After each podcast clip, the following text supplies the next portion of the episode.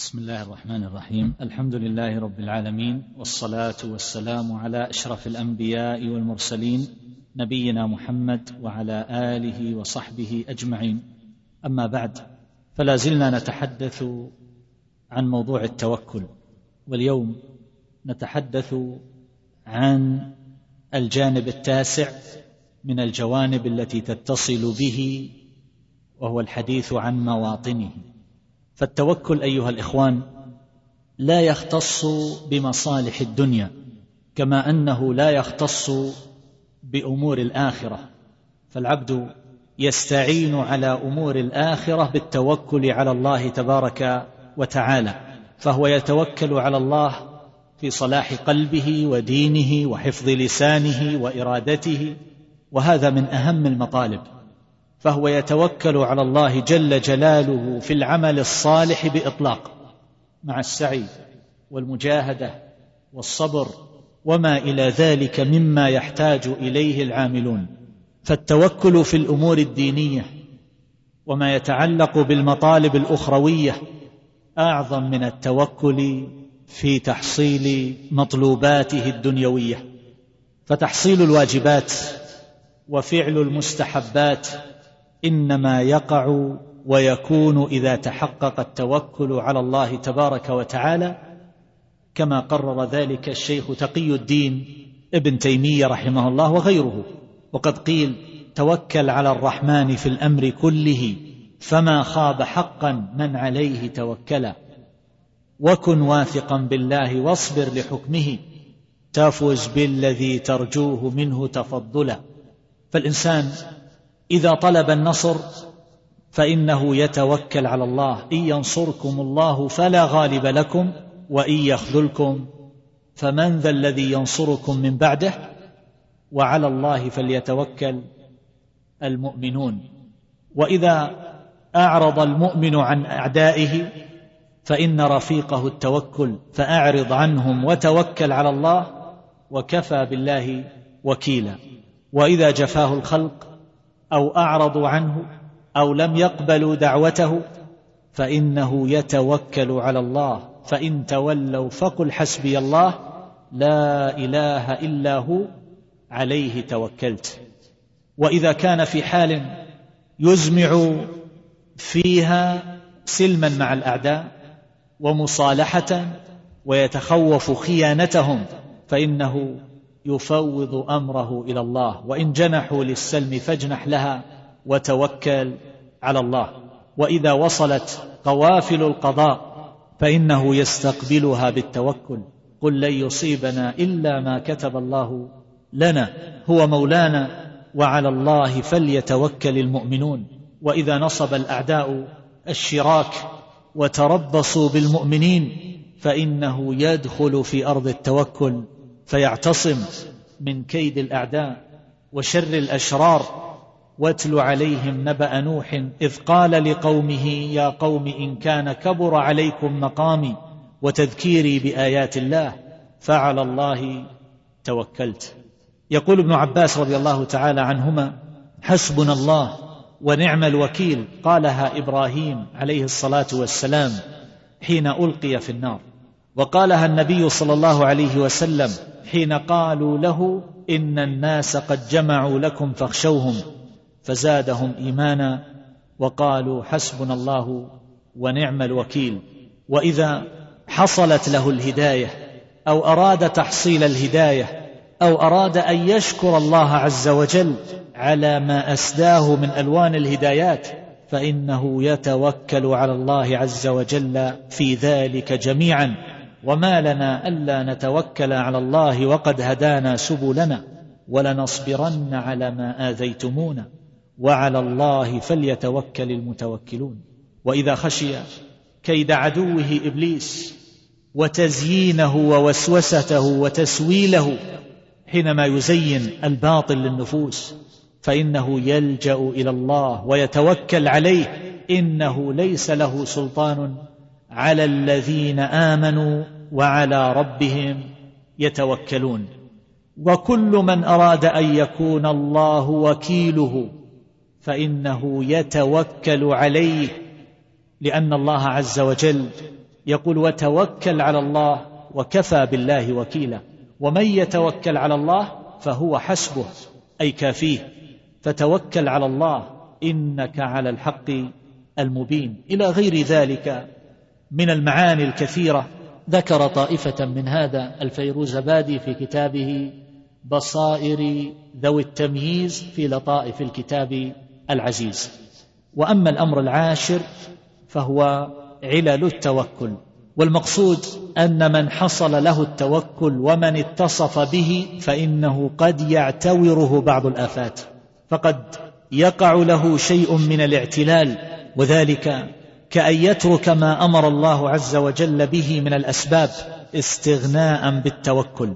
والواقع أن هذا من العجز والتفريط والإضاعة وليس من التوكل الذي أمر الله عز وجل به الذي يكون عبودية وتوحيدا.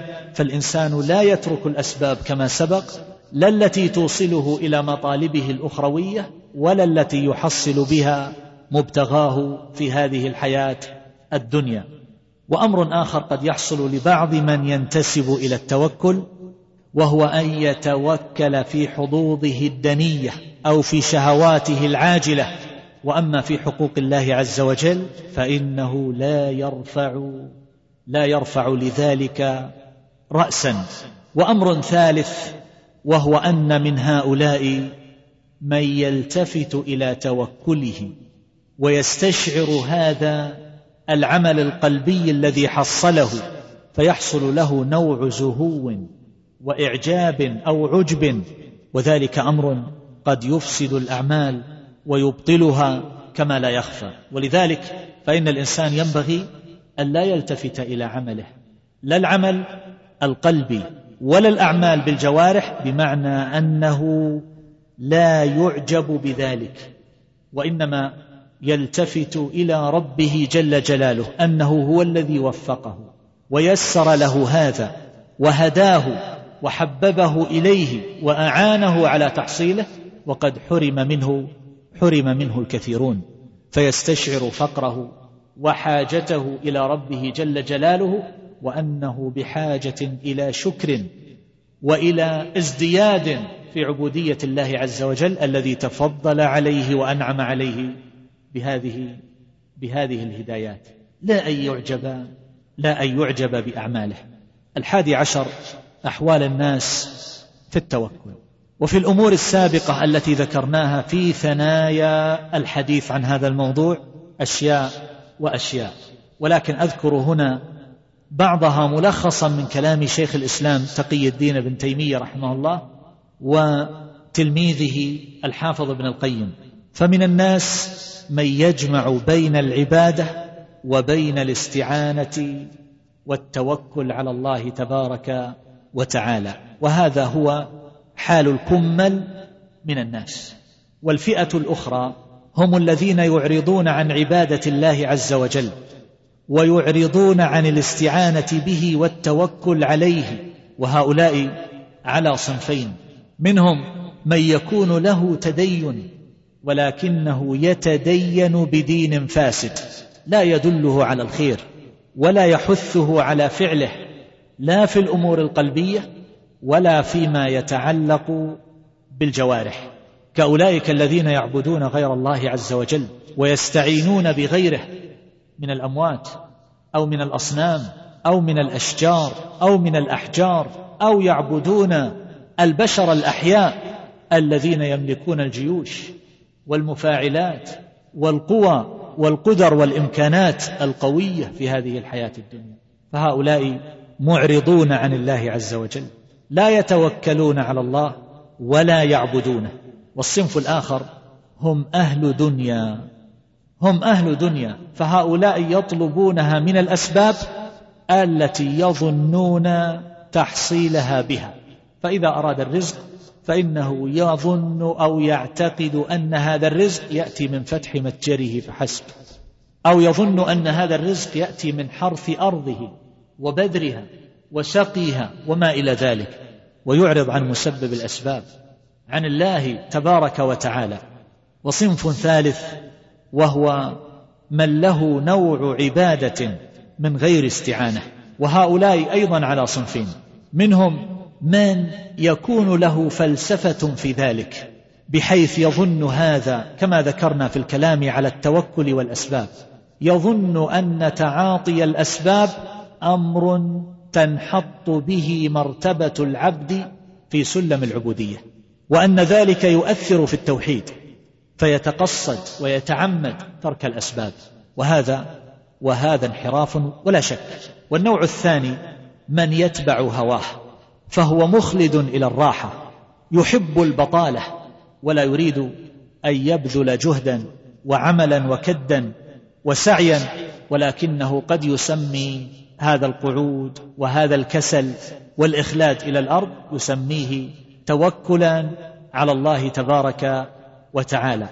والواقع أن هؤلاء يقعون بتعلقات هم لا يفعلون هذه الأسباب ولكنهم يتعلقون بأسباب دونها فهم يعلقون قلوبهم بالخلق رغبة ورهبة وقد يحصل لهم أن يتركوا بعض الواجبات أو المستحبات ويصرفون همتهم إلى أمور دونها. هذا الإنسان الذي يترك التداوي زعما منه أنه متوكل على الله عز وجل أو يدع طلب الرزق زعما منه أن هذا من التوكل على الله جل جلاله. قد يشغل قلبه ولا يبقى فيه اتساع لألوان العبوديات والإقبال على الله عز وجل فيبقى مشغول بهذا المرض. ثم قد يكون الدواء تحت يده وذلك بميسوره في أدنى شيء يبذله أو يفعله فمثل هذا يكون قد صرف همته وتوجهه في أمر في أمر مفضول وشغل قلبه في أمر كان يمكن أن يشغل القلب في غيره كما قال ذلك الشيخ تقي الدين ابن تيمية. فهؤلاء كما يصفهم في موضع آخر مغلوبون إما مع عدوهم الباطن وإما مع عدوهم الظاهر وإن كان لهم قصد حسن لكن هؤلاء لم يعرفوا الطريق. لم يعرفوا الطريق فهم قد يثابون على مقاصدهم الحسنة حيث إنهم أرادوا ما عند الله عز وجل بترك هذا التداوي مثلا لكنهم قد أخطأوا وشغلوا قلوبهم في أمر كان يمكن أن تصرف القلوب في أمر أنفع منه ويحصل تجاوز ذلك بتعاطي بعض الأسباب اليسيرة. فيكون هذا العبد مخذولا في كثير من أحيانه وأحواله وتجد قلبه يمتلئ بالضعف والجزع والخور لربما أصابه شيء من العجب كما قدمنا لأنه يعتقد أنه ترك ذلك عن الأسباب لأنه متوكل على الله عز وجل فهو لا يذهب إلى الطبيب ولا يأخذ الدواء ولا يذهب ليتعاطى أسباب تحصيل الرزق فإن حصل مراده نظر إلى نفسه وقوته فيكون معجبا بإيمان وتوكله وعمله فيكون مخذولا كما قال الله عز وجل ويوم حنين إذ أعجبتكم كثرتكم فلم تغن عنكم شيئا وضاقت عليكم الأرض بما رحبت ثم وليتم مدبرين. والإنسان إذا أعجب بعمله أو أعجب بإيمانه أو أعجب بالكثرة التي هو جزء منها في جيش المسلمين أو نحو ذلك فإن ذلك قد يكون سببا للهزيمة والخذلان. ونوع الرابع وهم أولئك الذين قد يكون لهم توكل واستعانة من غير عبادة. فهؤلاء يلحظون تفرد الله عز وجل بالنفع والضر وأنه ما شاء كان وما لم يشأ لم يكن فيستعينون به ويتوكلون عليه في تحصيل حظوظهم ومطالبهم وشهواتهم لكنهم لا يلتفتون إلى ما يحبه الله عز وجل ويرضاه. ولهذا ذكر شيخ الإسلام ابن تيمية رحمه الله أنه قد يحصل لبعض قطاع الطريق من التوكل ما لا يحصل لبعض العباد وأهل العلم. قطاع الطريق قد يكون عندهم من الثبات ورباطة الجأش والتفويض إلى الله عز وجل والتسليم له والاعتماد عليه والوثوق به وأنه لا يصيبهم إلا ما كتب الله لهم فيركبون الأهوال والأخطار ويغامرون ويحملون أرواحهم على أكفهم توكلا على الله عز وجل ولكنهم لا يلتفتون إلى محابه ومطلوباته الشرعية فيكون توكلهم واقعا في غير في غير محله. ولهذا ذكرت لكم في بعض المناسبات ذلك الرجل الذي سافر إلى بعض البلاد من أجل الفجور والزنا فوجده بعض الناصحين فوعظه وذكره وخوفه من الأمراض المستعصية التي لم يعثر الناس على علاج لها. فقال لن يصيبنا إلا ما كتب الله لنا. يأتي ويقارف الفواحش وهو مهدد بوقوع أمراض خطيرة لا علاج لها وفضيحة. ومع ذلك يقول قل لن يصيبنا إلا ما كتب الله إلا ما كتب الله لنا. ونحن قد رأينا في بعض في بعض الصور في بعض المراقص أعزكم الله عز وجل رأينا أناسا يرقصون وكل واحد قد غلفه غلاف من البلاستيك. كل ذلك إصرارا على مواقعة ما لا يليق وخوفا من وقوع وخوفا من وقوع الأمراض. ورأينا صورا لأماكن قد احتشدت بالمنحرفين من الشاذين أعزكم الله عند المتاجر في بعض البلاد. والأسواق العامة وصورة أخرى في سنة أخرى حينما فشى هذا الداء وانتشر واستشرى وتلك الأماكن خاوية. خافوا. من وقوع هذه الأمراض الفاتكة في أجسادهم وهذا يذهب ويسافر آلاف الكيلومترات ويتعنى. وإذا ذكر قال قل لن يصيبنا إلا ما كتب الله لنا. الثاني عشر الطريق الطريق إلى التوكل. كيف نحصل التوكل؟ كيف نحققه في نفوسنا في قلوبنا؟ كيف نكون متوكلين على الله تبارك وتعالى. ما هي الأمور التي توصلنا إلى باحة التوكل وإلى مرتبته العلية؟ فنكون محققين لهذا العمل الكبير الجليل الذي أحب الله عز وجل أهله وأصحابه وأدناهم وقربهم. أقول الأمر الأول أيها الإخوان هو تفريغ القلب من الالتفات إلى غير الله عز وجل. هذا القلب وعاء فهو بحسب ما عبئ به. فإذا عبئ هذا القلب خوفا من المخلوقين ورهبة منهم فإن هذا القلب يعتمد عليهم ويتوجه إليهم رغبة ورهبة. وإذا امتلأ القلب بالنظر في محاسن هؤلاء المخلوقين وانشد نحوهم وصار تأمله ونظره وفكره إنما هو في محاسن المخلوق فإنه يتعلق به غاية التعلق فلا يبقى فيه محل لمحبة الله عز وجل والإقبال عليه. وهكذا إذا أحب الإنسان امرأة وتعلق قلبه بها فإن ذلك يشغله في ليله ونهاره ويظهر ذلك في حاله في مجلسه وشرود ذهنه وشخوص بصره ويظهر ذلك عليه أيضا في جوارحه وفي هيئته وشحوب وجهه. وللحب آيات تبين بالفتى شحوب وتعرى من يديه الأصابع. الحب مشغلة عن كل صالحة وسكرة الحب تنسي سكرة الوسن فالحاصل أن الإنسان قد يحصل له ألوان الأمراض التي يعي الأطباء عن علاجها وسبب ذلك هو التعلق بمخلوق يفنى ويزول حسنه وجماله وبهاؤه وشبابه ورونقه. وهكذا أيها الإخوان. ولذلك تجدون أعداء الله عز وجل يملؤون قلوب المسلمين اظهارا لقوتهم وإمكاناتهم المادية الهائلة وما عندهم من العتاد والسلاح الذي يصورون للناس أنه يستطيع أن يخطف الكأس من يدك.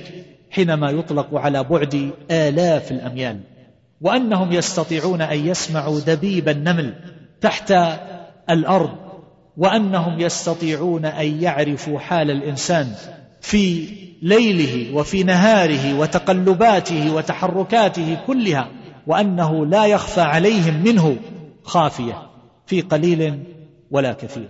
فإذا قرأ الإنسان في مثل هذه الأمور هناك كتب تصور هذه الأشياء وتضخمها فإنه يرتجف قلبه ويخاف ويتحسس من كل شيء بجانبه وأن هؤلاء الأعداء يرصدون جميع الحركات والسكنات وما علم أن الله فوق الجميع وأن هؤلاء خلق ضعفاء يصيبهم ما يصيب الخلق فيعجزون عن أن يدفعوا عن أنفسهم وتراهم كالقش يطير بهم الماء الضعيف ويحطم كل ما بنوا ولا يستطيعون أن يفعلوا تجاه ذلك قليلا ولا كثيرا ولا أن يدفعوا عن أنفسهم ولا غيرهم فهم ضعفاء أمام جند الله عز وجل التي من أضعفها فيما يبدو لنظرنا هذا الماء الرقيق السيال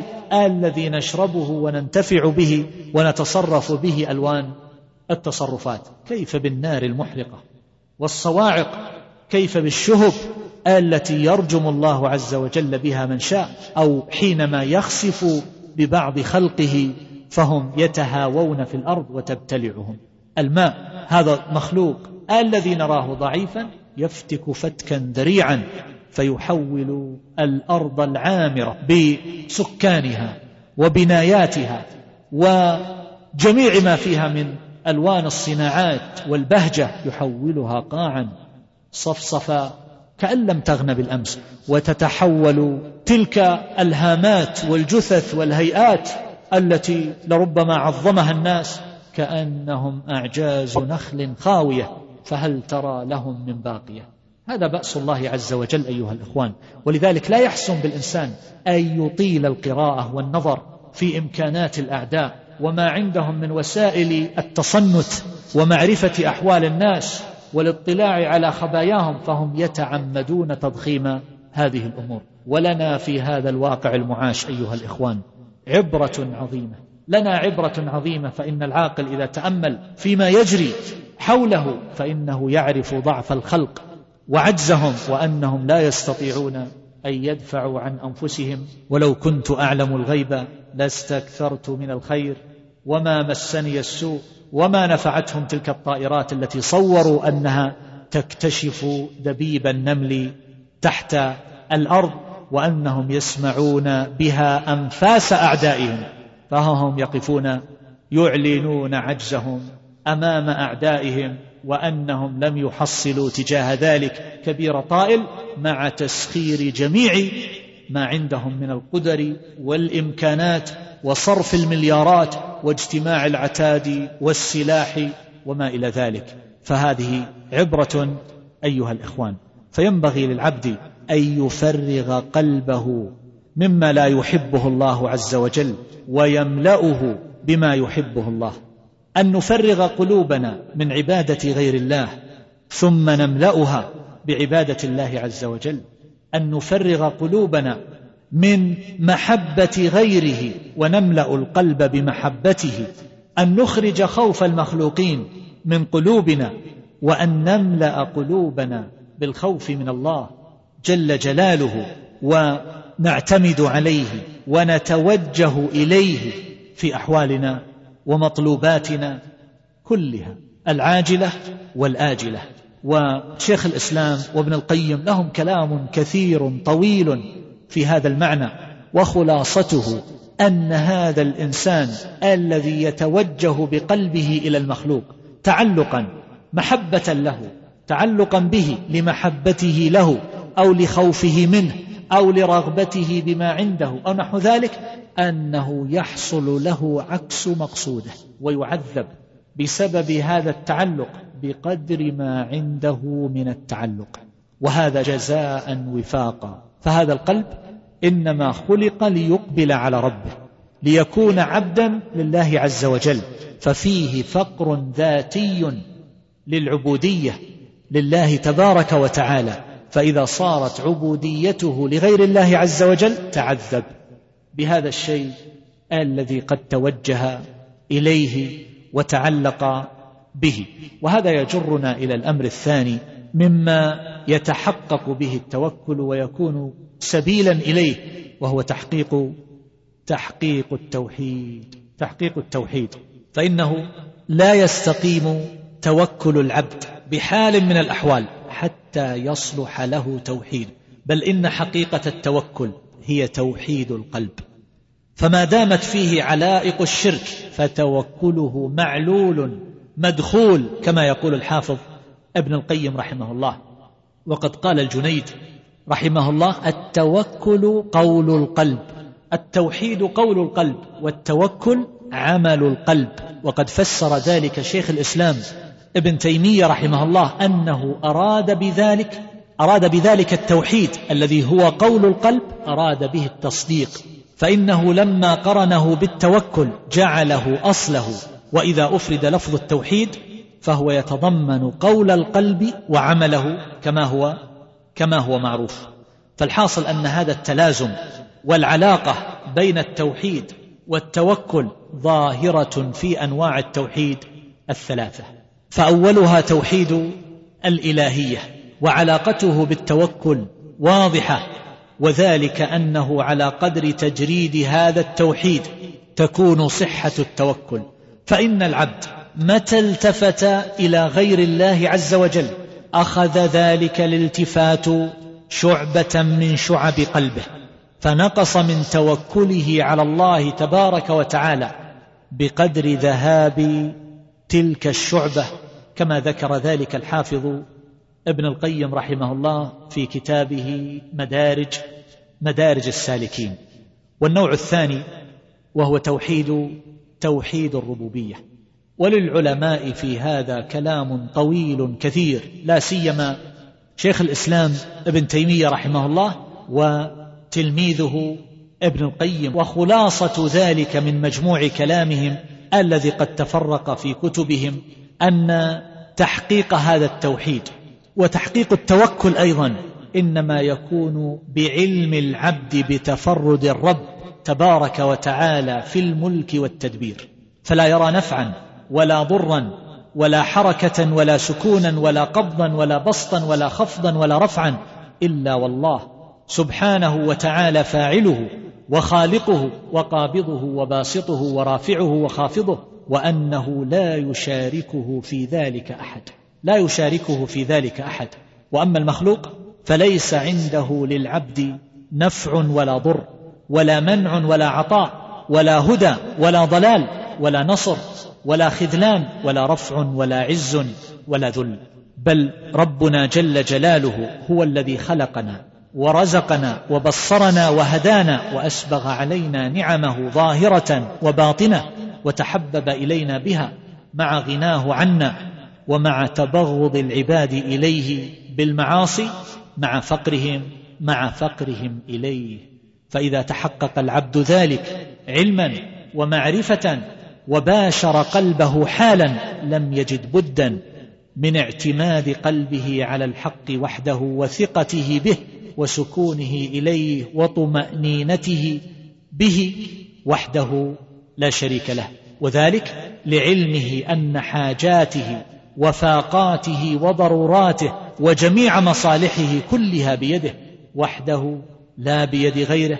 فأين يجد هذا قلبه من التوكل بعد بعد هذا؟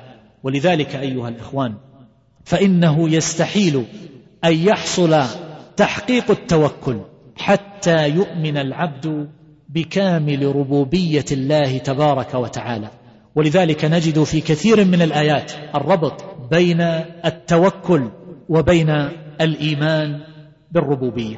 إنما النجوى من الشيطان ليحزن الذين آمنوا وليس بضارهم شيئا إلا بإذن الله. وعلى الله فليتوكل المؤمنون. فالتدبير والضرر والنفع الذي يلحق الإنسان ويطوله ويحصل له في هذا الكون إنما هو بيد الله. اذا فعلى الله ينبغي أن يتوكل. لا يتوكل على أحد سواه. ولله غيب السماوات والأرض وإليه يرجع الأمر كله. فاعبده وتوكل وتوكل عليه.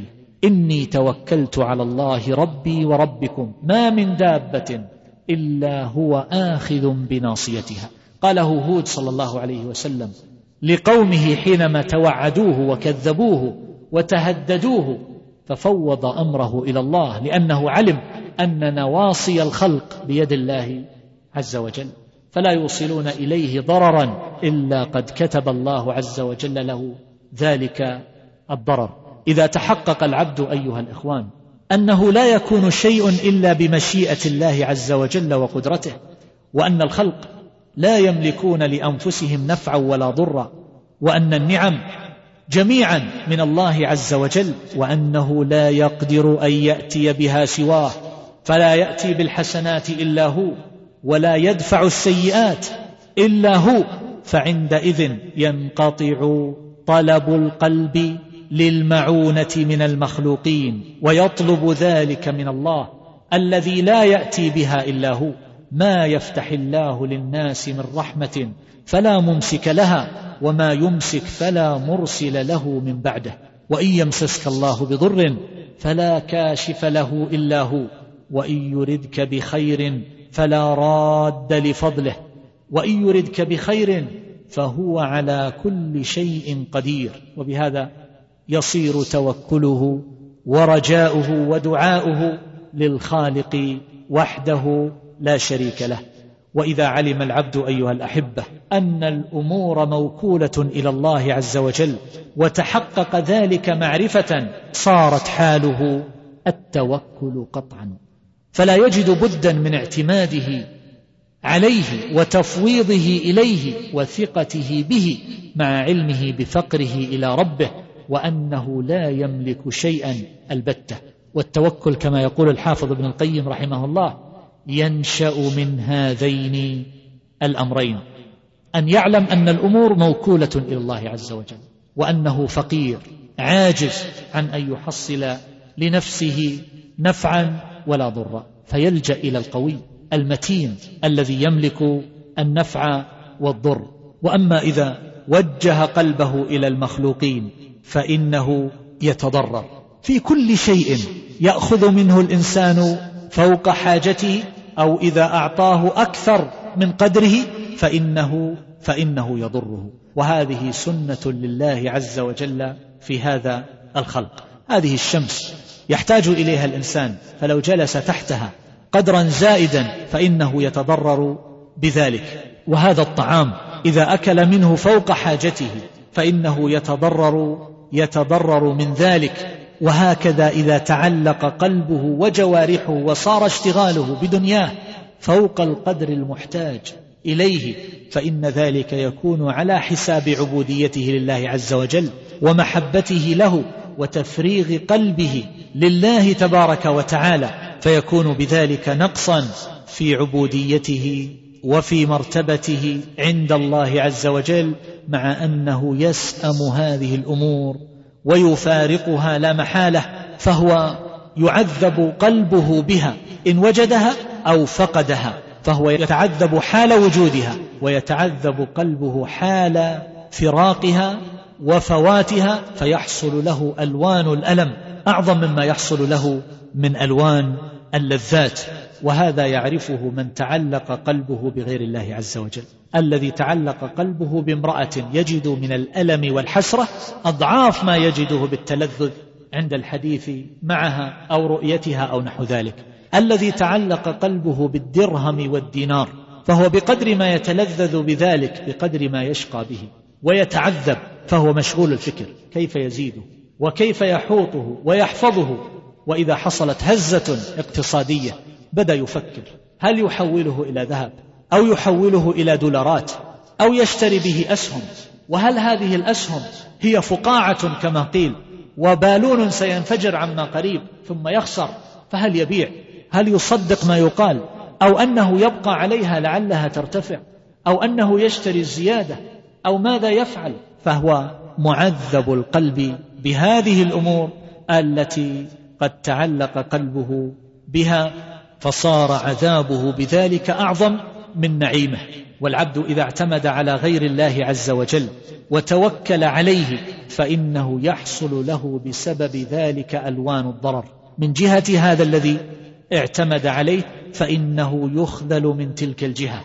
يخذل من تلك الجهة أحوج ما يكون إلى الألطاف والعون والنصر والتأييد وهذا أمر مشاهد معلوم وقد أخبر الله عز وجل عن حال هؤلاء المخذولين واتخذوا من دون الله آلهة ليكونوا لهم عزا كلا سيكفرون بعبادتهم ويكونون عليهم ضدا.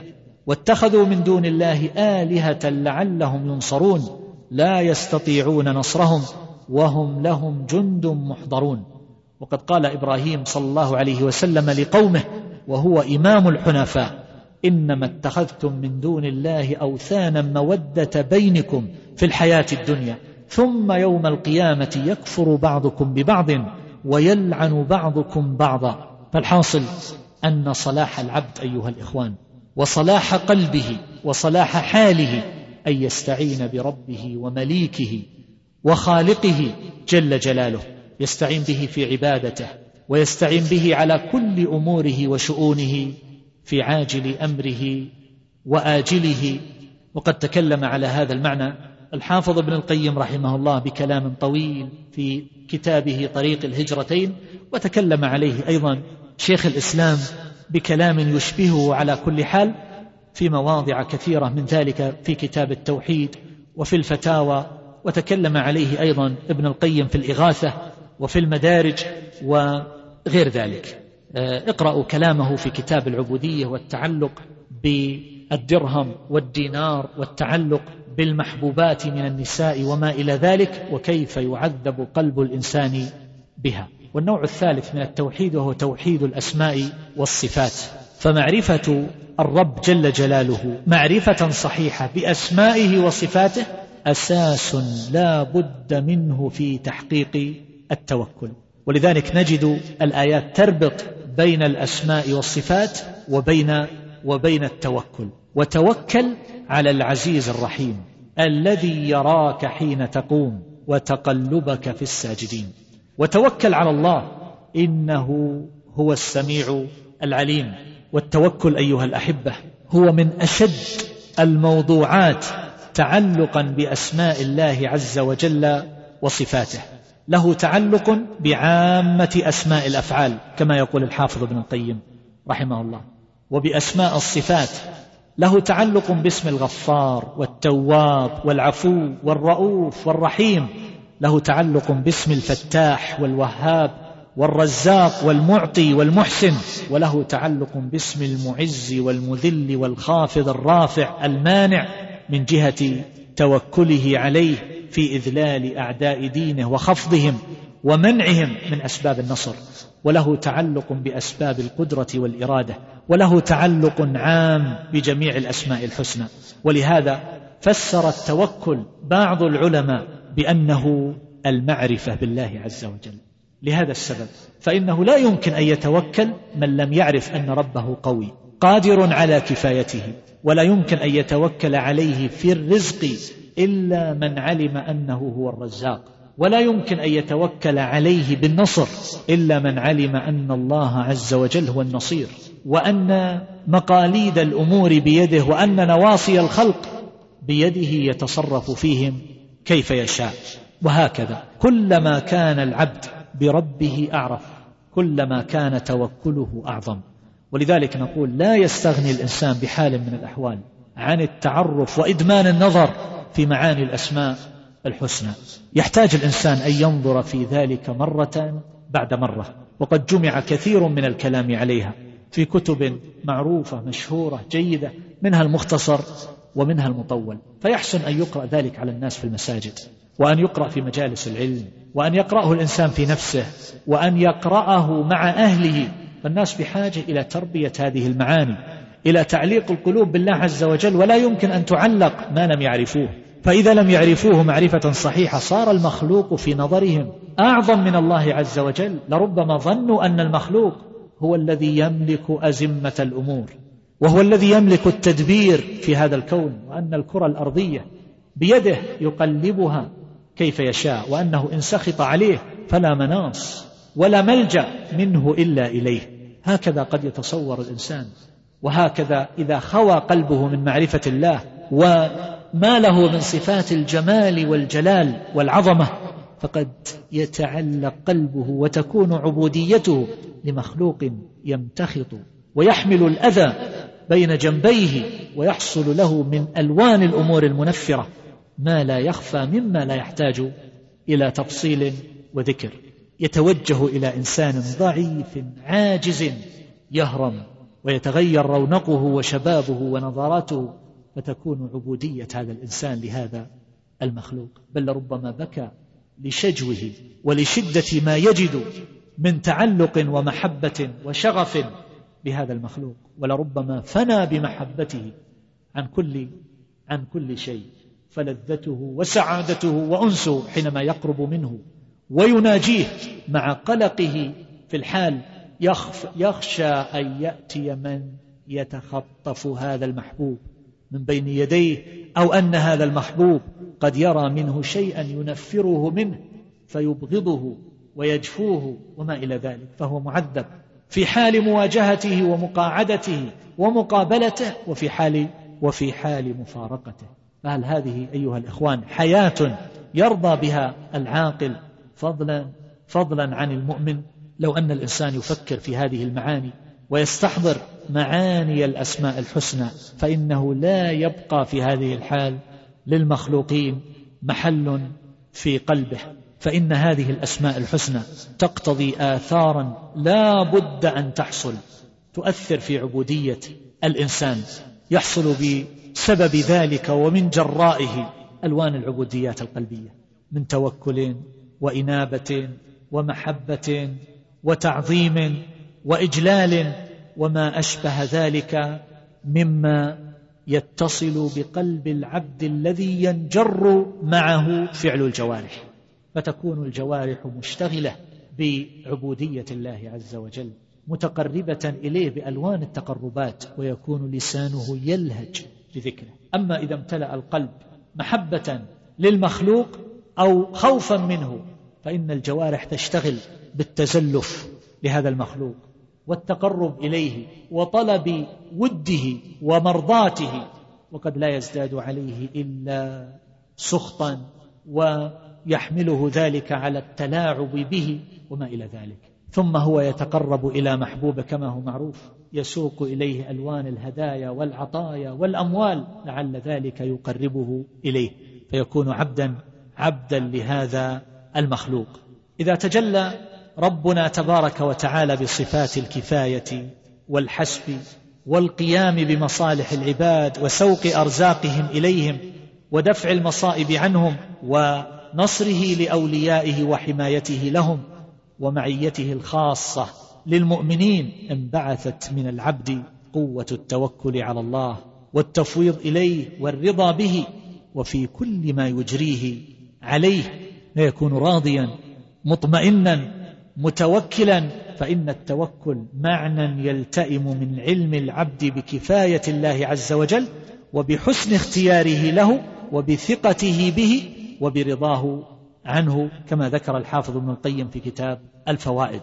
وبهذا نعلم أن أولئك الذين لا يؤمنون بصفات الله عز وجل من الجهمية ليس لهم نصيب من هذا.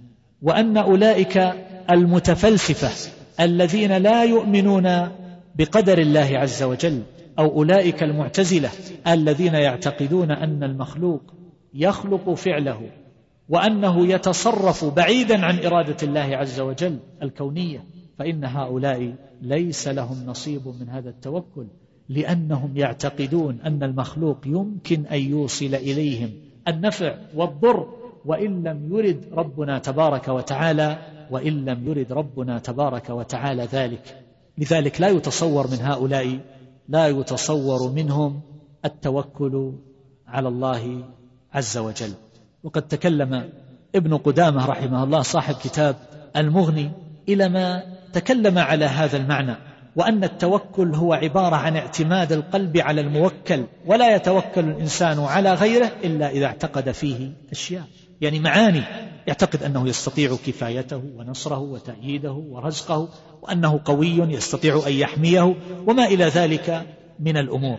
فيقبل عليه لا محالة وإنما يتلاشى ذلك إما لضعف اليقين بهذه الخصال يقينه فيها منخفض أو أن ذلك يحصل باستيلاء الجبن على القلب فينكسر الإنسان أمام المخلوقين. وقد ذكر لهذا أمثلة واقعية تقع للإنسان وتحصل لكثير من الناس. يقول هذا الطعام العسل مثلا هو من ألذ الطعام وأطيبه. يقول لو أن الإنسان صار يأكله ويلتذ به وهو يعلم قطعا ويقينا أنه عسل وأنه مفيد وأنه غذاء وشفاء فجاء من يصوره له بأمر تتقزز منه نفسه ولا حاجة لأن أذكره. يقول فإنه يعافه وينقبض منه. لاحظ مع أنه يعلم أن هذا أنه عسل ويتيقن ذلك لكنه هكذا حصل عنده هذا التلاشي والضعف. يقول الميت يعلم الإنسان أنه جماد وأنه لن يوصل إليه نفعا ولا ضرا. يقول مع ذلك لو كلف أن يبيت ليلة في فراش مع ميت فإنه يجفل ويخاف ويجبن ولا يجرؤ على ذلك. بل لو قيل له بأنه يبيت في بيت وفيه ميت فإنه لربما ينقبض من ذلك ويبحث عن مكان آخر يبيت فيه مع أنه يعلم أن هذا صار من جملة الجمادات كالسارية والكرسي والكتاب وما إلى ذلك مما لا يؤثر فيه ولا يحرك شيئا حوله ولكن الإنسان قد يحصل له ضعف في القلب قل ما يخلو من إنسان يقول ولربما قوي ذلك حتى صار مرضا. يقول حتى إن بعض الناس لربما أغلق الباب ومع ذلك يخاف أن يبيت وحده. مع أنه يعلم أنه لن يصل إليه شيء بإذن الله عز وجل. وأمر ثالث مما يوصلنا إلى التوكل ويعين على تحصيله وهو الثقة بالله عز وجل وحسن الظن به ومن ثم التفويض إليه. فالإنسان الذي لا يثق بكفاية الله عز وجل كيف يتوكل عليه؟ الإنسان الذي يسيء الظن بربه تبارك وتعالى كيف يتوكل عليه وكيف يفوض أمره إليه. فعلى كل حال الثقة كما قال صاحب المنازل منازل السائرين هي عين التوكل ونقطة دائرة التفويض وسويداء قلب التسليم. وقد صدر الباب بقوله تعالى لأم موسى فإذا خفت عليه فألقيه في اليم ولا تخافي ولا تحزني. ففعلها هذا هو عين ثقتها بالله تبارك وتعالى. فلولا كمال هذه الثقة في قلبها لما ألقت صبيها وصغيرها تتقاذفه الأمواج وتتلاعب به جريات جريات الماء. ومقصوده بهذه الثقة التي قال إنها خلاصة التوكل ولبه أن ذلك بمنزلة سواد العين.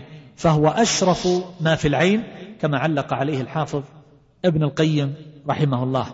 وعرفنا من قبل عند الكلام على معنى التوكل وبيان حقيقته أن كثيرا من العلماء قد فسر التوكل بالثقة وجعلوها حقيقة التوكل. ومنهم من فسره بالتفويض ومنهم من فسره بالتسليم والتوكل يجمع ذلك جميعا. فهو كما يقول الحافظ ابن القيم رحمه الله يقول الثقة كأنها روح والتوكل كالبدن الحامل لها كالبدن الحامل لها. وقد قال الحسن البصري رحمه الله إن من توكل العبد أن يكون الله عز وجل هو ثقته. قيل لسلمة ابن دينار ما مالك؟ قال خير مالي ثقتي بالله تعالى وإياسي مما في أيدي الناس. ويستحيل أن يتم توكل العبد على الله عز وجل ويحصل له مطلوبه في هذا الباب إلا بتحقيق أمرين إضافة إلى الثقة. الأول حسن الظن بالله عز وجل. فعلى قدر حسن ظن العبد بربه سبحانه وتعالى يكون توكله عليه. وأما من ساءت ظنونه بربه فإنه لا يمكن أن يفوض أمره إليه. وقد سئل بعضهم عن التوكل فقال ارى أن التوكل هو حسن الظن بالله. قال إبراهيم بن شيبان حسن الظن بالله هو الإياس عن كل شيء سوى الله تبارك وتعالى. وسئل الحارث ما الذي يقوي المتوكل؟ قال ثلاث خصال. الأولى حسن الظن بالله. الرضا عن الله. فيما جرى به التدبير فيما جرى به التدبير. فإذا تحققت هذه الثقة مع حسن الظن نتج بعد ذلك اعتماد القلب على المولى جل جلاله. فيستند إليه ويسكن إليه فلا يبقى فيه اضطراب ولا تشويش بل ينخلع من كل شيء سوى الله عز وجل.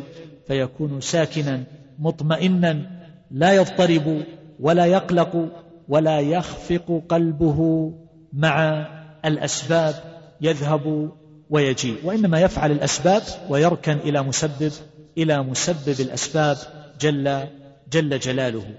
فيستند إليه ويخافه وحده ويرجوه دون أن يخاف أحدا من المخلوقين.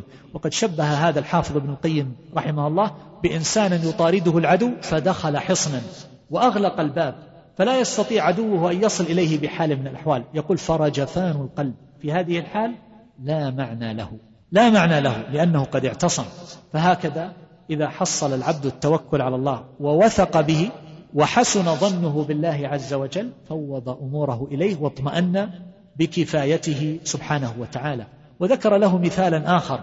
بملك قد أعطى رجلا درهما ثم ضاع منه فجزع ذلك الرجل. فقال له الملك عندنا أمثال هذا الدرهم فكلما أتيت أعطيناك وعوضناك فإذا كان يثق به ويطمئن إليه ويحسن الظن به ويثق بأن هذا الملك قادر على إعطائه وأن خزائنه مملوءة بهذه الدراهم فلا معنى للقلق ولا معنى للحزن ولا معنى لهذا الاضطراب. فالحاصل أيها الإخوان أن العبد لا بد أن يشهد فقره إلى الله تبارك وتعالى وحاجته في أن يكون معبودا له وأن يكون ربه تبارك وتعالى معينا له في الأمور كلها. فلا يستشرف إلى المخلوقين ولا يكون فقره إليهم وإنما يكون مفوضا إلى الله لأنه قد وثق بما عنده وأحسن ظنه بربه جل جلاله فلا يتطلع إلى ما في أيديهم. ولهذا قيل الحر عبد ما طمع. والعبد حر ما قنع وقد قيل أطعت مطامعي فاستعبدتني. الذي يتبع طمعه يكون عبدا للمخلوقين. وقد ذكرنا كلام شيخ الإسلام مرارا استغني عن من شئت تكن نظيره وأحسن إلى من شئت تكن أميره واحتج إلى من شئت تكن تكن أسيره. فلا يكون الإنسان متبعا لطمعه فيرتبط بالمخلوقين فيكون عبدا عبدا لهم مفتقرا إليهم بل يكون فقره إلى الله وهو أمر قد جبلت عليه النفوس وذلك أنها تعلم فقرها إلى خالقها سبحانه وتعالى. وإذا استيقنت النفوس ذلك ذلت لمن تفتقر لمن تفتقر إليه. وامتدت وتطلعت تلك النفوس لغناه وصمديته سبحانه وتعالى. التي انفرد بها فيسأله من في السماوات والأرض وهذا شهود لربوبية الله عز وجل بالاستعانة والتوكل والدعاء والسؤال مع اشتغال العبد بما يصلحه من العمل وتعاطي الأسباب كما ذكرنا مرارا. وعلى كل حال شيخ الإسلام ابن تيمية رحمه الله في الجزء الرابع عشر صفحة 32 له كلام في هذا المعنى. هذا خلاصته ويكفي من القلادة ما أحاط بالعنق. والأمر الآخر الذي يكون مع الثقة آه الذي يكون مع حسن الظن بالله تبارك وتعالى والثقة به أن يلقي الأمور إليه سبحانه وتعالى آه بمعنى أن يكون مفوضا إلى الله جل جلاله. وهذا هو روح التوكل وحقيقته كما لا يخفى. فيكون قلبه مستسلما لله عز وجل تنجذب دواعيه إليه فلا يكون في قلبه منازعة. لله تبارك وتعالى بل يكون كالميت بين يدي الغاسل كما يعبر ذلك كما يعبر به الحافظ ابن القيم رحمه الله تعالى. والعلماء لهم كلام في هذا المعنى طويل وعلى كل حال يكون حال هذا الإنسان كحال الصبي الصغير مع أبيه. فهو يثق به وبولايته وحسن تدبيره فيرى أن تدبير هذا الأب خير له من تدبيره هو وأن ذلك أصلح وأرفق به وأن ذلك أعون على تحقيق وأدعى إلى تحقيق مطالبه ومصالحه فيفوض ذلك إلى أبيه لثقته برحمته وقدرته وما أشبه ذلك من المعاني. وبهذا نعلم أن التوكل يجمع مقام التفويض والاستعانة والرضا وما إلى ذلك من المعاني التي ذكرت كما ذكر الحافظ ابن القيم رحمه الله. وأمر الرابع من الأسباب التي توصلنا إلى التوكل هو الإيمان الراسخ بعقيدة القضاء والقدر. فإن ذلك يثمر التوكل لا محالة. إذا عرف العبد كما جاء في حديث ابن عباس رضي الله عنهما لما قال له النبي صلى الله عليه وسلم إني أعلمك كلمات. احفظ الله يحفظك.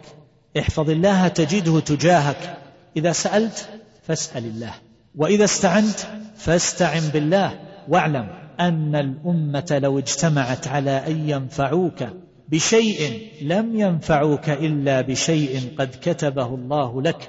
ولو اجتمعوا على أن يضروك بشيء لم يضروك إلا بشيء قد كتبه الله عليك. رفعت الأقلام وجفت الصحف. فما هو كائن حاصل؟ حاصل لا محالة. والإنسان قد كتب رزقه وأجله وعمله شقي أم سعيد؟ وهو في بطن أمه. وكذلك قدر الله عز وجل مقادير الخلق قبل أن يخلق السماوات والأرض بخمسين ألف سنة. وكان عرشه على الماء. ويمكن أن يقال لأولئك الذين تروح نفوسهم وتجيء كالريش في مهب الريح خوفا وقلقا على أرزاقهم أو على صحة أبدانهم أو ما أشبه ذلك فإذا أصاب الواحد منهم حاجة وفقر أو أصابه مرض اجتمعت عليه هموم الدنيا وأظلمت الدنيا في وجهه وضاقت عليه الأرض بما رحبت. يمكن أن يعالج هؤلاء بما أو بمثل ما جاء عن ابن عمر أن سائلا سأل النبي صلى الله عليه وسلم فإذا بتمرة عائرة فقال أما إنك لو لم تأتها لأتتك. هذا أخرجه البيهقي في شعب الإيمان بإسناد رجاله ثقات. وجاء أيضا في حديث أبي الدرداء مرفوعا إلى النبي صلى الله عليه وسلم إن الرزق يطلب العبد كما يطلبه أجله كما يطلبه أجله. فهو كما قال البيهقي رحمه الله في تفسيره أن ما قدر له من الرزق يأتيه فليثق بالله ولا يجاوز الحد في طلبه. لن تموت نفس حتى تستوفي رزقها وأجلها. فاتقوا الله وأجملوا وأجملوا في الطلب. فالإنسان سيأتيه ما كتبه الله عز وجل. فلا داعي للجوء إلى الحرام والطرق المشتبهة في أنواع المعاملات المالية المحرمة. وقد جاء عن جابر رضي الله عنه مرفوعا لا تستبطئ الرزق فإنه لم يكن عبد يموت حتى يبلغه حتى يبلغه آخر رزق هو له. فاتقوا الله وأجملوا في الطلب من الحلال وترك الحرام. قال أبو الدرداء رضي الله عنه لو أن رجلا هرب من رزقه كهربه من الموت لأدركه رزقه كما يدركه كما يدركه الموت. كما يدركه الموت. فالعاقل كما يقول أبو حاتم رحمه الله يعلم أن الأرزاق قد فرغ منها وتضمنها العلي الأعلى سبحانه وتعالى وأنه يرزق من يشاء بعلم وحكمة وأنه يمنع من يشاء بعلم وحكمة. ليس هناك أحد ينسى ويذهل من كثرة المرزوقين من كثرة المخلوقين. فالإنسان لا يأتيه إلا ما كتب الله عز وجل له. فإذا وصل إلى إذا حقق هذا المعنى صار كما قال الفضيل بن عياض رحمه الله ما اهتممت لرزق ما اهتممت لرزق قط. وقد قال بعضهم يا عبد الله في ماذا تتعب قلبك وتنازع إخوانك وتعادي على طلب الرئاسة والعز أشكالك وأخدانك وتعمل في هلكة حسناتك بالحسد لمن هو فوقك كأنك لم تؤمن بما أخبر أنه يعز من يشاء ويذل من يشاء ويؤتي الملك من يشاء وينزع الملك ممن يشاء. فاستعمل العلم في ظاهرك. إن كنت تاجرا أو كاسبا أو زارعا وأجمل في الطلب واترك الحرام والشبهات جميعا فإن نفسا لن تموت حتى تستوفي رزقها. وحظها من عزها ورياستها. ولو هرب العبد من رزقه لأدركه رزقه. كما لو فر من الموت لأدركه لأدركه الموت. قال رجل لمعروف الكرخي أوصني. قال توكل على الله عز وجل حتى يكون جليسك وأنيسك وموضع شكواك وأكثر ذكر الموت حتى لا يكون لك جليس غيره. واعلم أن الشفاء لما نزل بك كتمانه. لا تشكو على الخلق وأن الناس لا ينفعونك. ولا يضرونك ولا يعطونك ولا يمنعونك.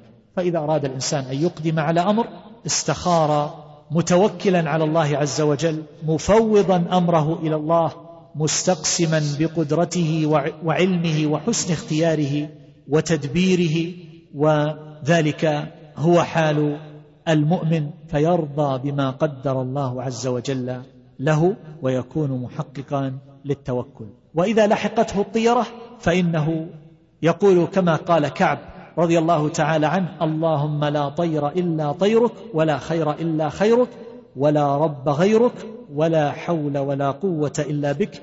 يقول كعب رضي الله عنه والذي نفسي بيده إنها لرأس التوكل وكنز العبد في الجنة. لا يقولهن عبد عند ذلك ثم يمضي إلا لم يضره شيء وبذلك يكون محققا لليقين. الذي يقوده ويفضي به إلى حقيقة التوكل ويثمر له الاعتماد على الله عز وجل.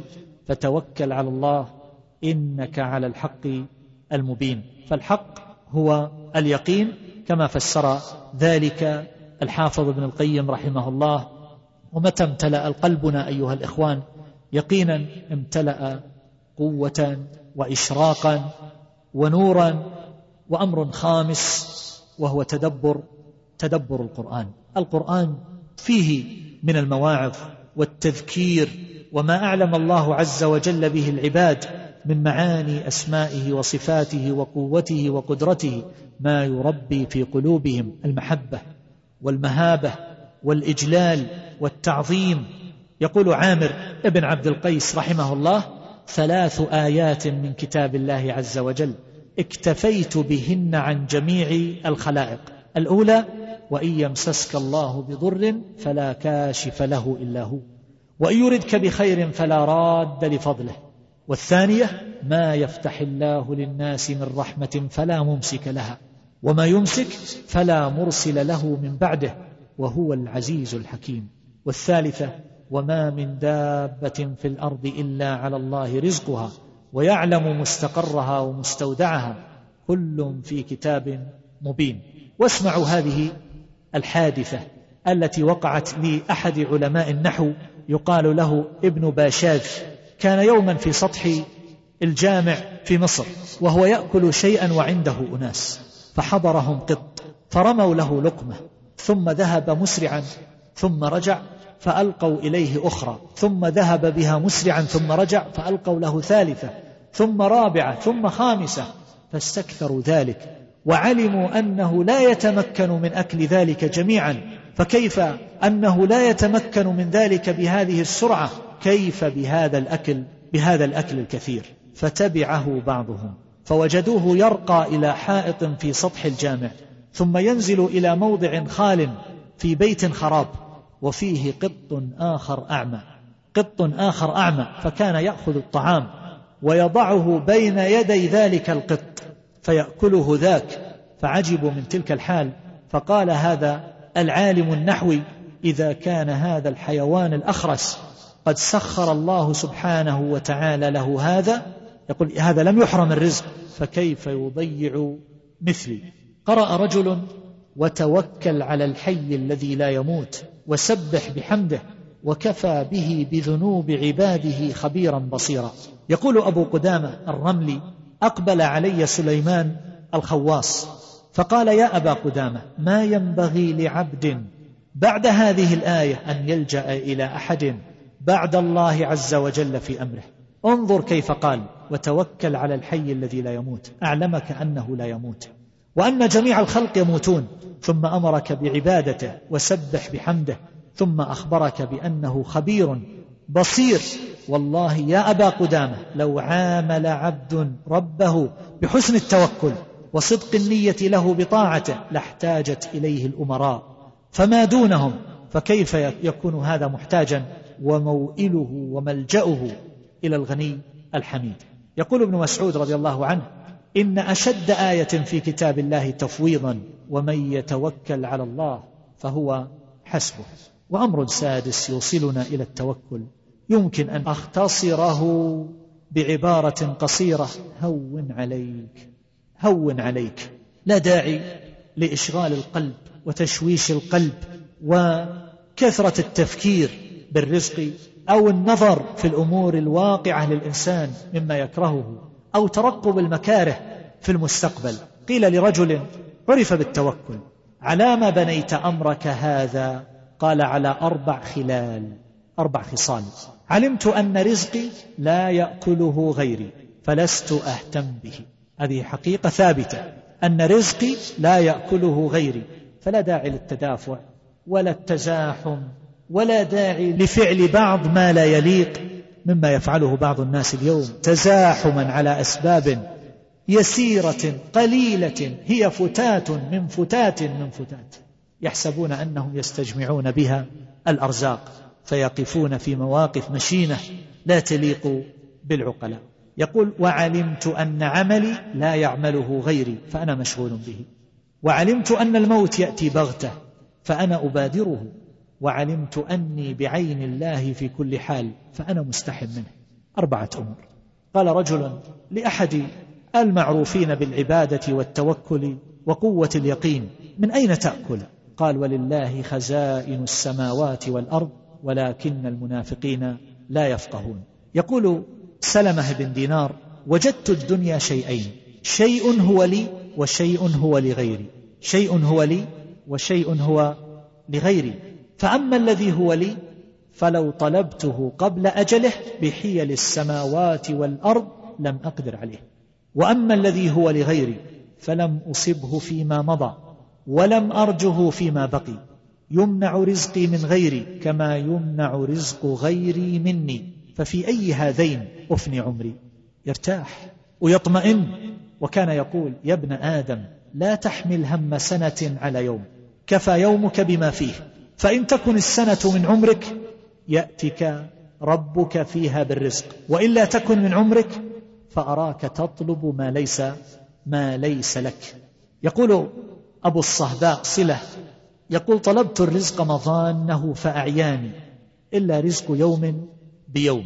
فعلمت أنه خير لي وإن امرأ جعل رزقه يوما بيوم فلم يعلم أنه خير له لعاجز الرأي. هذا الكلام طبعا يقال للذين يتهافتون. وإلا فإن النبي صلى الله عليه وسلم كان يأخذ من الفيء الذي أصابه صلى الله عليه وسلم من سهمه في فدك كان يأخذ قوت سنة لعياله ثم يجعل ما زاد على ذلك في الكراع والسلاح وما إلى ذلك. قال بعضهم إذا بلغ العبد الغاية من الزهد أخرجه ذلك إلى التوكل. لا يقلق على الدنيا. ما فات منها ولا يقلق يترقب ما لم يأته. فالمؤمن كما قال شميط بن عجلان يقول لنفسه إنما هي ثلاثة أيام. أمس مضى بما فيه وغدا أمل لعلك لا تدركه. إنك إن كنت من أهل غد فإن غدا يجيء برزق غد ودون غد يوم وليلة تخترم فيها أنفس كثيرة ولعلك المخترم فيها. كفى كل يوم همه. خرج رجل مهموما إلى ساحل البحر ضاق عليه الرزق واهتم واغتم فهرب من عياله. فوجد صخرة قد كتب عليها لما رأيتك قاعدا مستقبلي أيقنت أنك للهموم قرين فارفض بها وتعر من أثوابها إن كان عندك بالقضاء يقين هون عليك يكون ما هو كائن. فأخو التوكل شأنه التهوين. طرح الأذى عن نفسه في رزقه لما تيقن أنه مضمون فسري عنه وعاد وعاد إلى عياله. وأمر أخير مما يحصل به هذا المطلوب عن التوكل وذلك هو الدعاء وهو الأمر السابع. هو الدعاء فكل مطلوب يطلبه الإنسان من حاجاته الدنيوية والأخروية ينبغي أن يلجأ إلى الله عز وجل. وأن يسأله فالله عز وجل لا يخيب من دعاه. لا يخيب من دعاه. كان بعضهم يقول أسألك خوف العالمين بك وعلم الخائفين منك وتوكل الموقنين بك ويقين المتوكلين عليك وإنابة المخبتين إليك وإخبات المنيبين إليك وصبر الشاكرين لك وشكر الصابرين لك وإلحاقا بالأحياء المرزوقين عندك.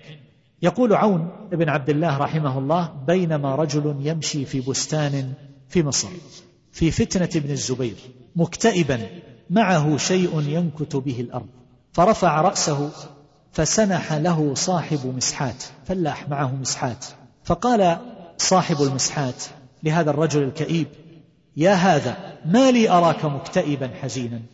فكأنه ازدراه احتقره ولم يرد عليه وقال له لا شيء. فقال صاحب مسحات أل الدنيا؟ فإن الدنيا عرض حاضر يأكل منه البر والفاجر حتى الكلاب تأكل. والآخرة أجل صادق يحكم فيها ملك قادر يفصل بين الحق والباطل. حتى ذكر أن لها مفاصل كمفاصل اللحم. من أخطأ شيئا أخطأ الحق. فلما سمع ذلك منه كأنه أعجبه فقال لما فيه المسلمون؟ قال له فإن الله سينجيك بشفقتك على المسلمين. وسل فمن ذا الذي سأل؟ ربه فلم يعطه ودعاه فلم يجبه وتوكل عليه فلم يكفه أو وثق به فلم ينجه. يقول فعلقت الدعاء. يقول اشتغلت بالدعاء. اللهم سلمني وسلم مني. يعني لا يدخل في شيء من الفتن. فتجلت ولم تصب منه ولم تصب منه شيئا. يقول بعضهم يذكر حال ابن خزيمة رحمه الله أنه كان إذا أراد أن يصنف كتابا صلى صلاة الاستخارة. يقول حتى يفتح لي في ذلك ثم أبتدئ التصنيف ثم أبتدئ التصنيف. فكانوا يلجؤون إلى الله عز وجل في التأليف وفي التعليم وفي طلب الرزق وفي أمور الآخرة وما إلى ذلك من المعاني هذا. وبقي مجلس يتصل بالتوكل